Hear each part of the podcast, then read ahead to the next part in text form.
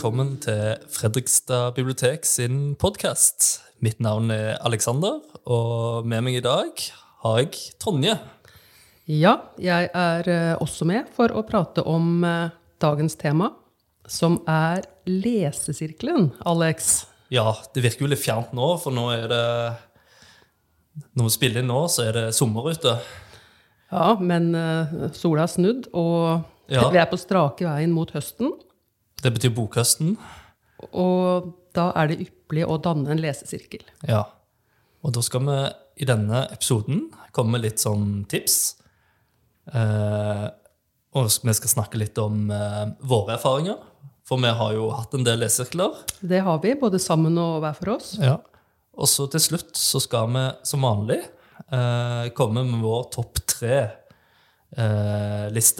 og da i dag så er det jo passende at vi kommer med topp tre bøker så dere kan ha velge til lesesirklene.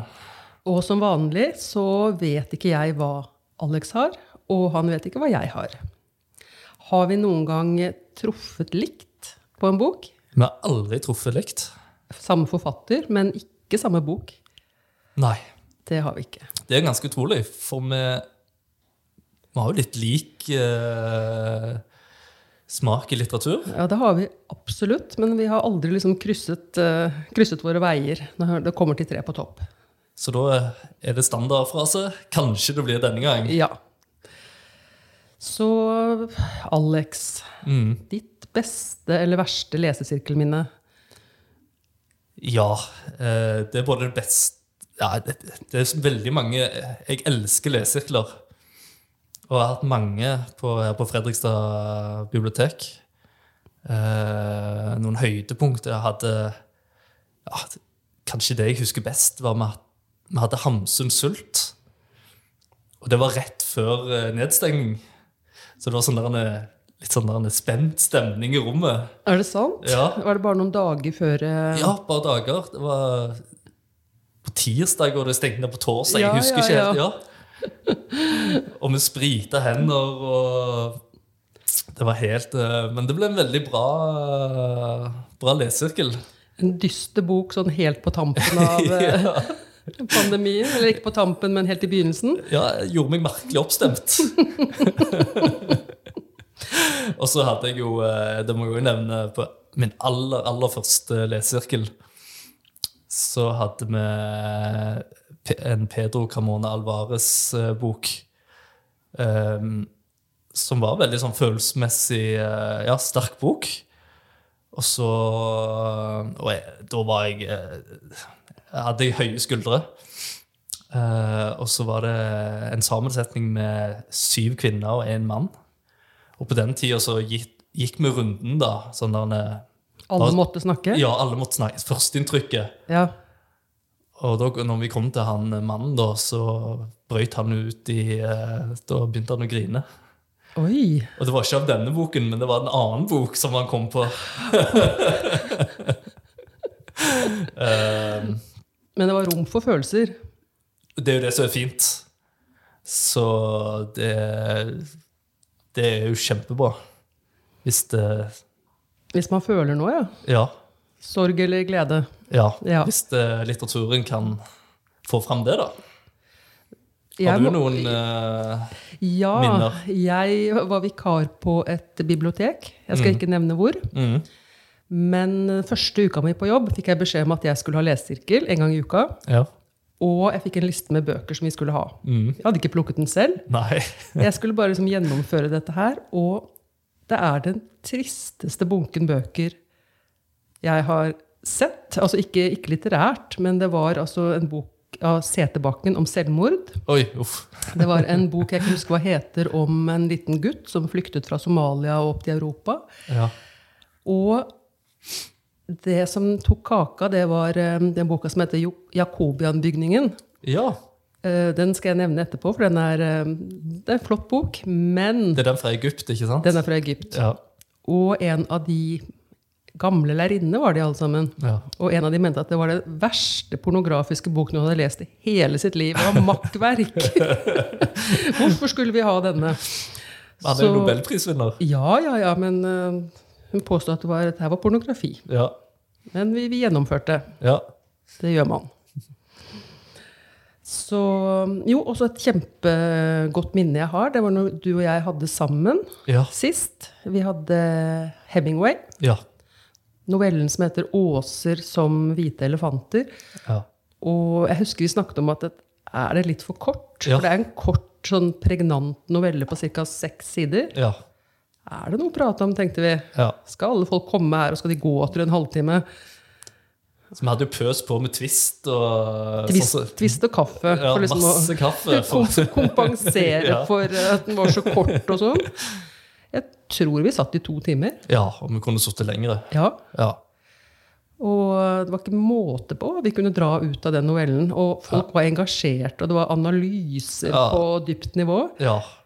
Og det, hele Hemingways karriere fikk vi Ja, ja, ja. eh, servert. ja så det, det var helt topp. Ja. Så um, hvis man klarer å bevege leseren, Mm. det er det viktigste med å plukke ut en bok, syns du ikke det? Å få um, diskusjoner. ja. Det syns jeg er aller eh, viktigst. Få litt engasjement. For det at altså, noen sier det at du bør kanskje ha en bok som folk elsker eller hater Ja. for å få temperatur. Ja. Nå kan du selvfølgelig ikke vite det på forhånd om folk elsker eller hater den, men det kan kanskje bli en veldig god lesesirkel ut av det. ja. Særlig hvis det er noen som elsker det, Og noen som andre hater som hater det. Ja. Så det syns jeg alltid bør være et mål. Men visste du hva lesesirkel egentlig var? Nei, egentlig ikke. Jeg leste det nå. Det, lesesirkel var opprinnelig at en gjeng venner kanskje, at de kjøpte en dyr bok. Ah, Så lot de den gå på omgang. Jøss. Ja, det var lesesirkel, sånn helt opprinnelse til ordet. Ja. Men det er ikke slik vi kjenner det nå. Nei. Nå er poenget på en måte å komme sammen og, og deler den opplevelsen av å lese. Mm. Og moren min er med på lesesirkel. Gamle lærerinner som har holdt på i årevis. Og for de er maten viktig. Ja, Ja. ikke sant? Ja, de har, eh, de har middag og kaffe og kaker, og hos dem så er kanskje maten vel så viktig som, eh, som litteraturen. Ja. Håper ikke moren min hører på, for det ja men det er litt sånn Babettes gjestebud. Ja, litt. Ja. De, de slår seg skikkelig løs på matfronten. Ja. Eller hva heter den engelske boken? Den uh, lesesirkel og potet... Uh, Ja, jeg vet hva du mener. ja. Skrelle poteter eller ja, noe sånt. Ja. Ja. under andre verdenskrig. Ja. Ja. Men eh, er det noe mer vi vil si generelt om lesesirkler? Ja, det er jo sånn eh, Hvis vi har noen eh, tips, da Altså, det er jo Nøkkelen er vel å velge ut eh, litteratur, altså bok. Og at det er liksom variasjon da for hver gang. At det ikke bare blir eh, i en sjanger eller en mm. forfatter, for eksempel. At eh, Jeg tenker at man kanskje kan tenke på sånn Er det mannlig eller kvinnelig forfatter? Mm. Er det en historisk roman? Er den helt ny? Altså, ja, velge bok med litt omhu. Ja. At du tar litt forskjellig hver gang. mm, Vi går jo mange runder når vi velger noe. Til lesesirkel på biblioteket. Ja, Ja, ja, ja. Ja. Det skal jo eh, man må for all del ikke lese noe som er dørgende kjedelig. Nei. Da kan det bli en kjedelig prat i etterkant. Ja. Så de bøkene vi har plukket ut i dag, de er noe vi kan måte stå for. Mm. At kan uh, sette i gang en, en samtale, ikke ja. sant? Ja. Så eh, skal vi kjøre rett og slett tre på topp. Vi kan ikke nevne det med at det er sånn viktig å ha en sånn uh, ordstyrer. En som leder lesesirkelen. Ja, for det har jo vi pleid å ha her, ikke sant? Ja. Som, eh, som på en måte strammer inn hvis det bare koker, Ja. bort, holdt jeg på å si, hvis folk snakker seg helt bort. Ja. Stramme inn og, og komme inn på temaet igjen. ja. Så en, om, det, om, de, om dere velger å bytte på det eller har samme ordstyrer, da, det er jo Men det er jo fint å ha. For, for å få flyten i, i samtalen. Og det at alle kan få si noe. Ja. Det er viktig.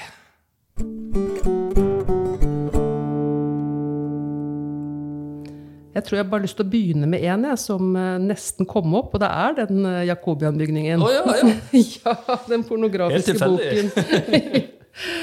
um, den kom ikke med på Tre på topp, men den kom på en eh, slags uh, fjerdeplass. Mm. For den er så flott. Den handler om denne bygningen ikke sant? Mm. som ble bygd i 1934 av en rik armensk forretningsmann. Mm. Og denne bygningen kan ses som et bilde på Egypt. ja.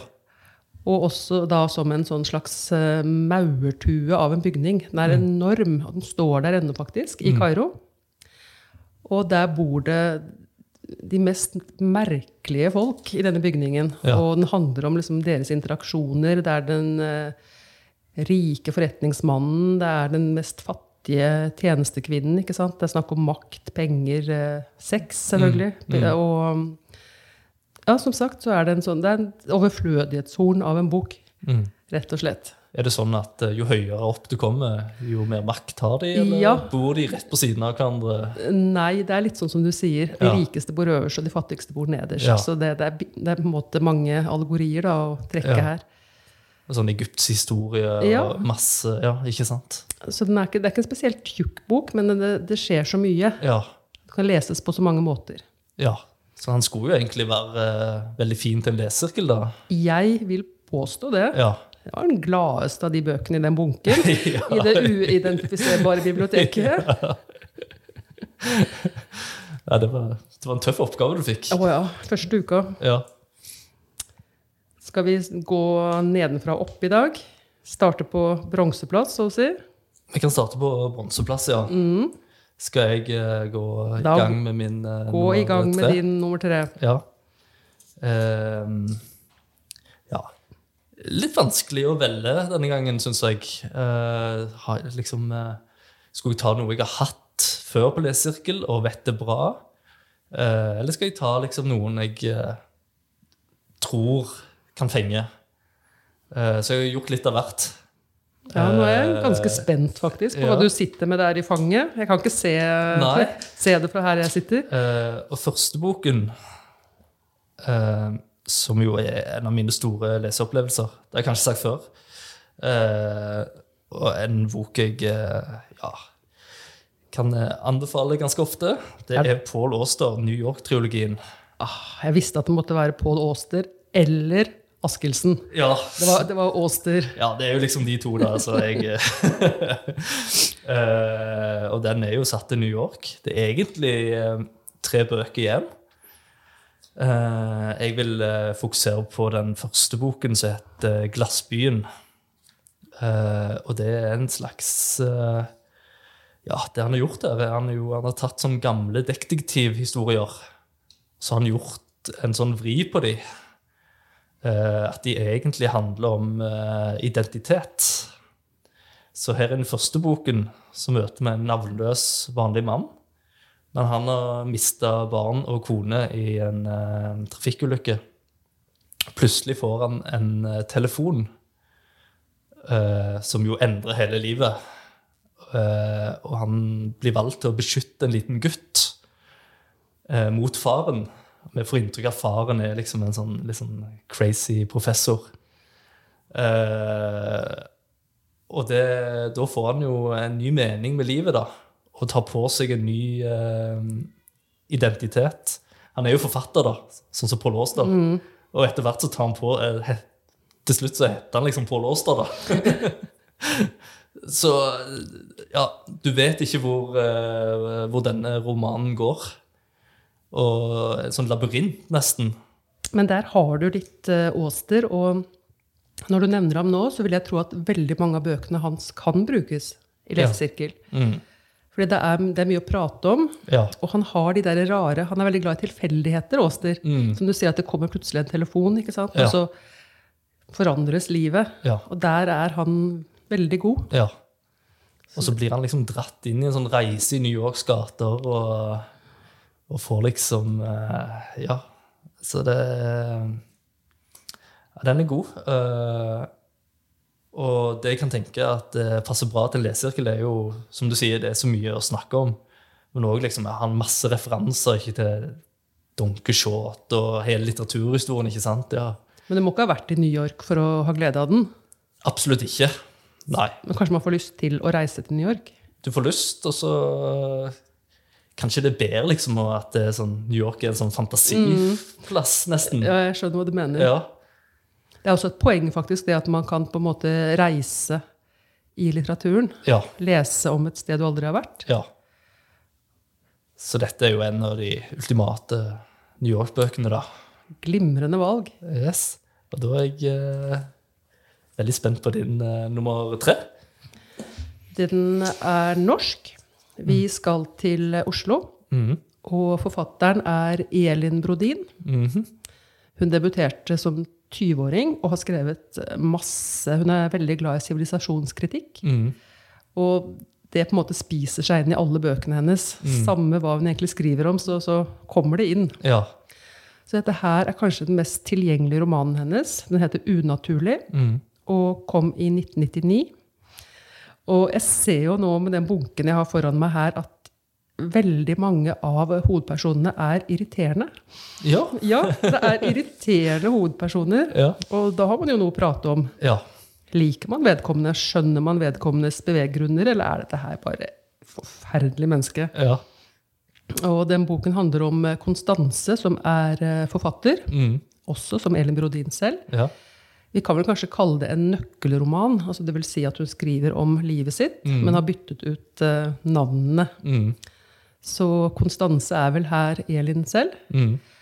Og hun lever i en sånn slags uh, veldig spenning i hverdagslivet sitt. Hun har mann og tre barn, men når hun får inspirasjon, så må hun skrive. Mhm. Samme hva som skjer, om hun er midt i middagen, eller noe sånt, så tar på en måte hennes muse over. da. ja. Hun kaller den for alien, den trangen hun har til å måtte skrive når inspirasjonen kommer. For Ja. alien på en måte legger hele familielivet hennes øde. ikke sant? Er det liksom eh, mye hverdagsliv, eller eh, hva er det som eh, Nei, denne boken her, den handler egentlig om et altomfattende kjærlighetsforhold. Ja. For Konstanse i boken møter nemlig Hugo. Ja. Hugo er litteraturkritiker, Ja. og Hugo har alt det som hun ikke har hjemme. Ja. Han har den der samme trangen, ikke sant? det drivet, den kunstneriske åren, Mm. som hun mangler da hjemme i, eh, i familielivet. Ja. Så hun forlater da hun forlater August for Hugo. Mm. Og så får vi på en måte vite om hva som skjer da på familiefronten, og Ja. hvordan hun, barna takler det, hvordan, hvordan det går. Eh, Jeg ga denne boken til en slektning av meg som var gift med en billedkunstner. Ja. Så hun kjente veldig igjen det der, at du liksom, det er den, den inspirasjonen går foran alt. da. Må, må du skape, så må du skape. ikke sant? Mm. Så um, det å snakke om her, det er jo det at hvor egoistisk er hun? ikke sant? Ja. Hun liksom river ned hele familielivet for, for å gå ut i verden og liksom, ja, Ja. skape og la seg inspireres. Ja. Så den er, eh, den er veldig sterk. Eh, Den er også litt morsom. Det er jo han August da, som hun forlater. Ja. Så August spør henne da hvordan hun kan forlate ham for en sånn gammel raggsokk som Hugo. Så den har sine, sine humoristiske sider. Og så har du da den hovedpersonen som man kan sikkert snakke om i det uendelige. Det virker som en bok som uh, mange kan kjenne seg igjen i.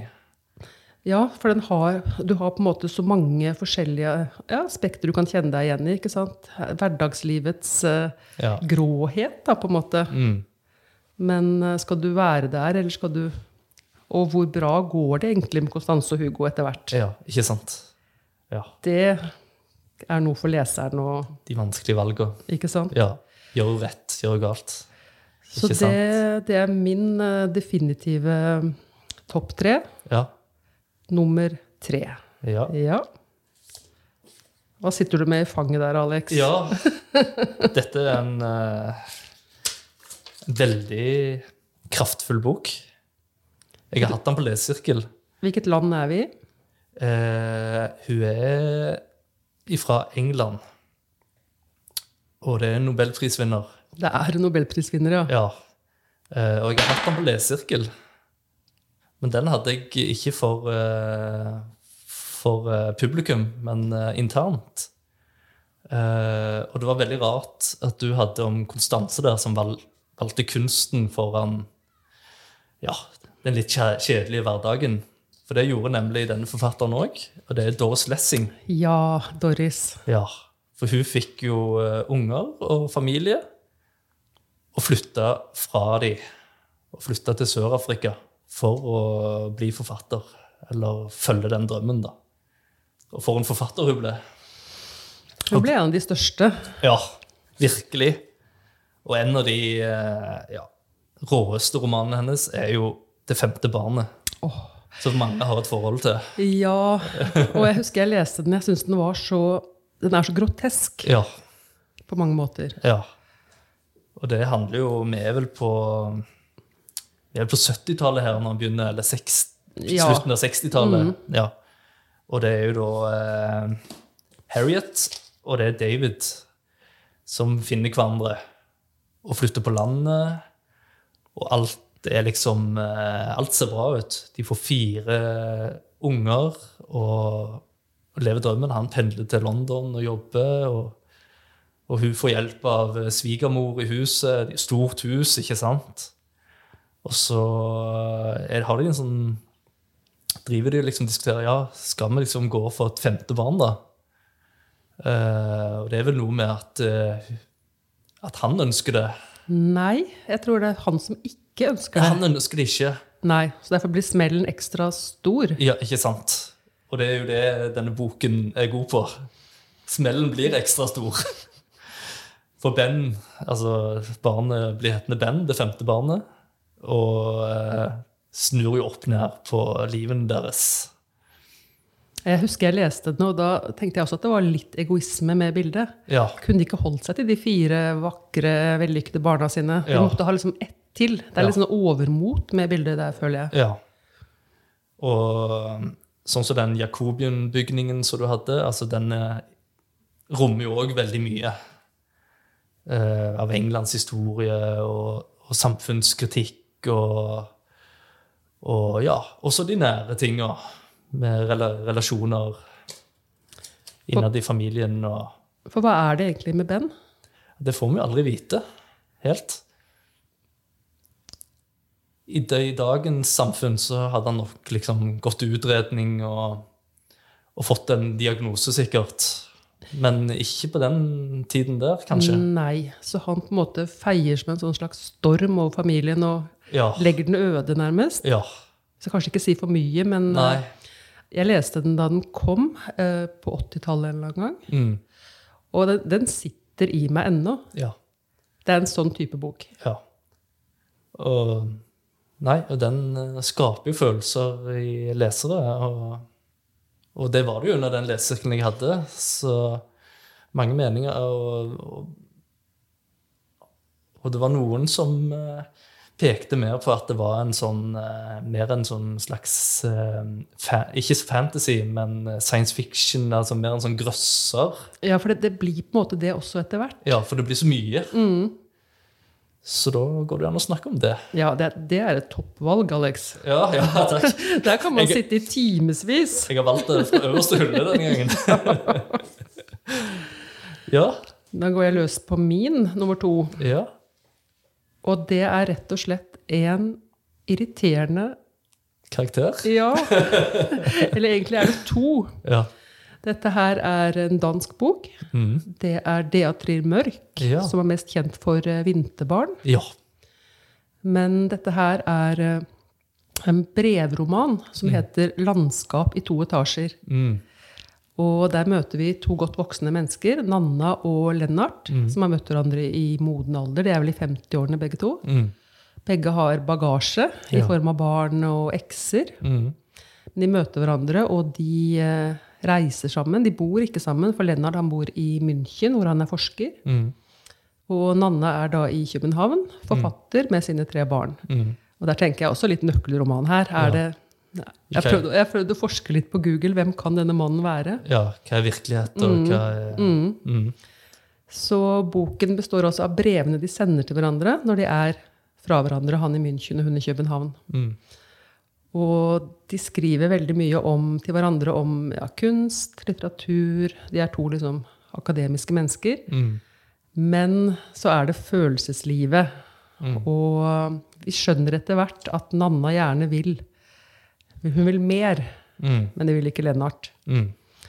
Og der har du den der spenningen. ikke sant? Nanna blir helt fortvilt eh, når Lennart åpner det han kaller Pandoras eske. Okay, Han Ja. skriver veldig mye om denne Pandoras eske han ikke vil åpne. Det høres voldsomt ut. Ja, veldig. Og Ja. når Lennart åpner eh, boksen, så drysser det ut eh, ekser, da. Og han er Ja. ikke ferdig med noen av dem. Nei. Nei.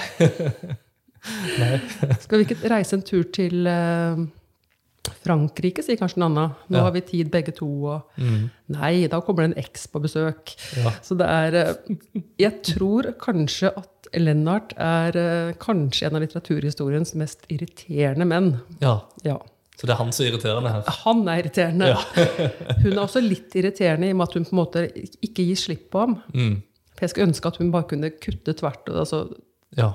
Nok er nok, liksom, men, eh, men hun holder fast. Og Lennart er varm og kald og kald og varm. Ja. Så alle som har vært i forhold, Ja. har mye å snakke om ja, når det kommer til denne boken her. Har du hatt den på lesesirkel? Jeg har ikke hatt den på lesesirkel, men når vi snakket om dette her jeg, i, i levende live på Bok og kaffe, Ja. så var det en gruppe etterpå som bestilte denne her for å ha Ja. den på lesesirkel. Så gøy. Ja. Så jeg er veldig spent. Jeg håper de kommer innom, så vi kan prate litt om hva de fikk ut av den. Det er Tria Mørk eh, er jo en av de store forfatterne fra Danmark som egentlig ikke er så godt kjent eh, nå lenger. Nei, øh, hun er ikke det. Og det er litt synd, for hun har skrevet veldig veldig mye bra. Ja. Folk husker liksom 'Vinterbarn'. ja. Og den kommer jo på nytt nå, så Ja. jeg. Ja. Det er på en måte hennes klassiker, men mm. hun har skrevet også veldig mye fint. Men det er denne som har satt seg i, eh, satt seg i hodet mitt, holdt jeg på å si. Ja. Og den har jeg lest Åh, Jeg må ha lest den 15 ganger. Ja, ikke sant? ja. Så hvis det er et eh, kvalitetstegn, så så vet ikke jeg, holdt jeg på å si. Ja. Det er Tonje sitt stempel på. Ja. Minst ti ganger, da Ja. er det bra. ja, da er vi det er det mest spennende når vi har kommet til nummer én. Ja. Så vi har plukket de ultimate bøkene nå, ikke sant? Ja, jeg, jeg har gått for de ultimate bøkene. Ja, jeg også. Ja. Så nå er jeg svært spent på din uh, topplassering. ja. Uh, og topplasseringa uh, går til Frankrike. Ok. Da har jeg mine bange, bange anelser her. Ja. Går til en av de eh, ja, virkelig liksom sånn eh, liksom bråkmakerne i litteraturen. En som liksom tør å ja, pille det ned i problemene i samfunnet og ja. Kan det være en mann som ser nokså uflidd ut på Det bilder? kan stemme. Jeg tror du er inne på noe. Vi skal til Michel Hollebeck. Ja. Uh, han har ikke hatt noe lesesirkel i, eller om. Eh, men jeg kan tenke meg at han er bra. Jeg kan tenke på at han er bra på det der eh, elsk eller hat-aspektet, tror du ikke det? Jo, veldig. Jeg tror han er den ultimate hat-elsk. Og jeg har litt hat-elsk-forhold til han, jeg òg. og boken jeg har valgt ut, er Serotonin. Så er et sånt uh, antidepressiva. Eh, serotonin er vel et sånt stoff som hjernen produserer. Ja. Og hvis du har for lite av det, så, Så må du få det kunstig. Ja. Så han, uh, han knasker jo uh, sånne tabletter, han her Florent Claude Labrust. som er en sånn ja, en slags ingeniør. eh, 46 år. Og fin jobb som byråkrat i Paris, men, men slutter å dra hjem eh, på bygda og har egentlig liksom ingenting gående for seg. Eh, men han har jo jobba med bøndenes vilkår, da. Eh, og han ser jo Når han drar hjem igjen, så ser han hvordan det står til, da. Og det står ikke bra til med et liksom EU og bøndene Ja. har det ikke bra. Eh, og så eh, Ja, nei, det er liksom eh, Og han har det ikke så bra, han heller. Og det er jo det mye Altså, de karakterene i Holebekk De har det jo ikke så bra følelsesmessig. Jeg har ikke lest mange av ham, og jeg har ikke lest den. Nei. Men det er Han skriver alltid om mannspersoner. Mm. Og de er ofte ensomme. Ja. Er denne mannen her også en Veldig ensom mann? ensom. Ja. Grunnleggende ensom. Mm. Så jeg tror også han skriver litt om seg selv. Ja. Putter seg selv inn i, i karakterene han skriver om. ja.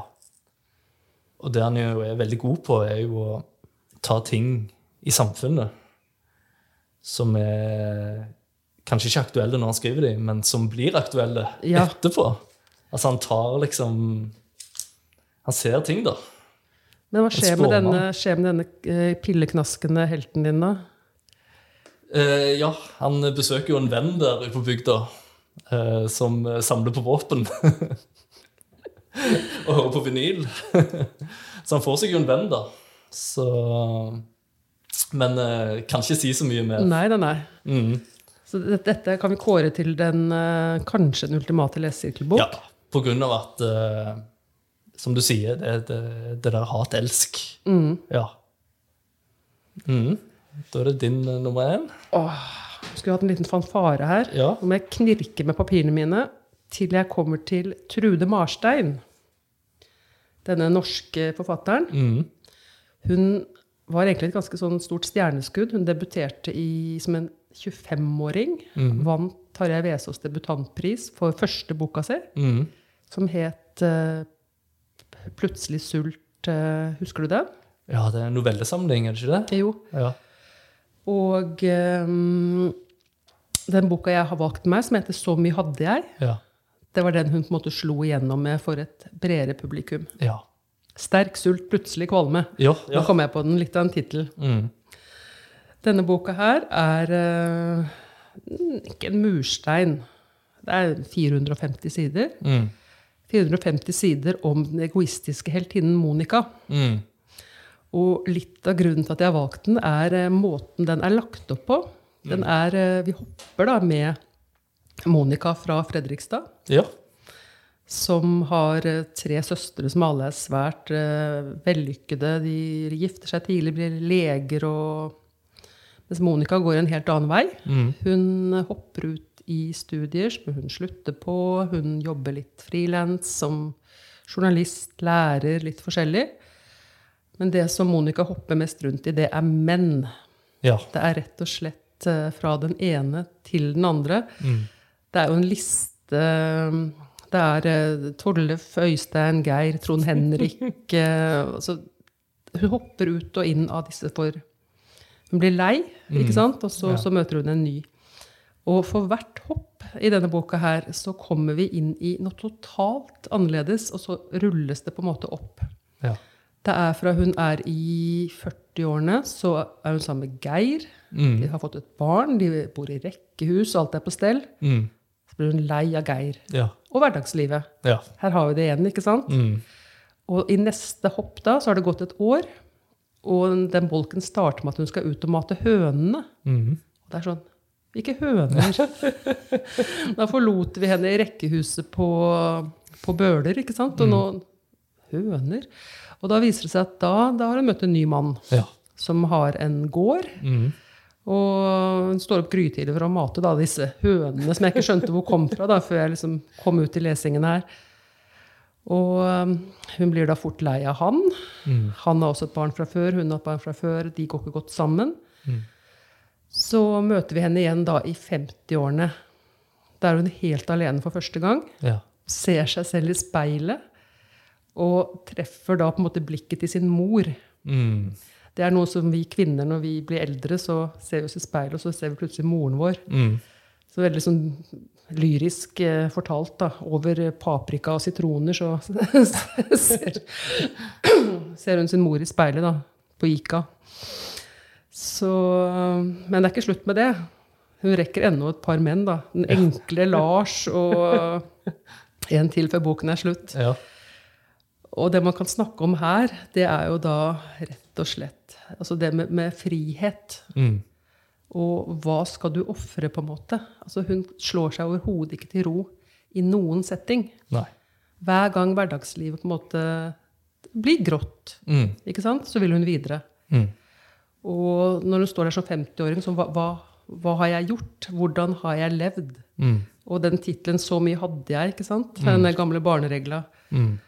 Så hun gjør rett, og slett, øh, gjør rett og slett opp status da, som noen og 50-åring. Hvordan har jeg levd, Ja. og hvorfor? Så det er også en Du kan elske henne, og du kan hate henne Mm. for de valgene hun har gjort. Og du kan lure på hvorfor. Så i denne boken her er det også uendelig med, med samtaleemner. Ja. Og fordi den er så morsomt eh, lagt opp, det der, de, de hoppene, også den der eh, oppsummeringen, da, Ja. så tror jeg at man kan eh, ha en veldig sånn fruktbar lesesirkel. ja. Ta fra hverandre Monica. Dekonstruere henne. Så jeg tror eh, førsteplassen vår har litt den samme sånn eh, eh, Altså baktanke. altså, eh, altså at det der hat-elsk til karakteren. Jeg har en eh, depressiv mannsperson, og du har en, eh, en kvinne. Rett og slett en eh, frihetselskende kvinne. Ja. Kun på sin egen bekostning. Det har vært morsomt å sammenligne disse to bøkene. For de har jo noen paralleller og, og er ulike òg. Så Det kan vi kanskje gjøre på en lesesirkel en gang. mm, Sammenligne to, to Ja. romaner. mm. Du har jo vært innom eh, Du hadde jo en fjerdeplass. Ja, Har du en sånn som nesten nådde opp på din pall? Ja, og det er faktisk eh, Trude Marstein. Ja. Men ikke samme bok. Ikke samme bok. Åh, ikke i dag heller. Nei. Eh, og det er da den boken som heter, har en vanskelig tittel, 'Å høre noen åpne en dør'. Ja. Det er det han heter, er det ikke? Jo. Ja. Og det er òg om en litt irriterende uh, hovedperson, da. Som er uh, alenemamma med en unge på tre-fire år, kanskje. Og uh, livet hennes fantastisk skrevet. Jo, men der Åh, den har jeg lest, Alex. Ja. Og der snakker vi om irriterende. ja Vi gjør det. Ja, veldig. Men òg så gjenkjennelig om det å ha små barn, da. Ja. Og jeg hørte Hun hadde jo ikke små barn på den tida. Nei, vet du hva? Det tenkte jeg på. Eh, Ja. Når jeg leste den, så var jo jeg alenemor Ja. til en, et barn i tilsvarende alder. Ja. Så visste jeg at hun ikke hadde barn selv. Og jeg var helt sjokkert over at hun kunne skrive så levende og så gjenkjennelig om det å være Mm. mor overhodet. Ja. Så det var en bragd. Ja. Ja, den virker bare helt eh, ja, Du blir, tatt på du blir irritert, du òg. Ja, veldig. Men òg men, ja, men det er òg god humor. Ja, ja, veldig. Ja. Ja, Nå fikk jeg lyst til å lese den om igjen, faktisk. ja. Så det var egentlig det vi hadde denne gang. Da er det god sommer for oss i Fredrikstad bibliotek fra biblioteket. Og Vi starter jo opp igjen med bok og kaffe ja, på biblioteket. Vi starter opp i slutten av august. Ja.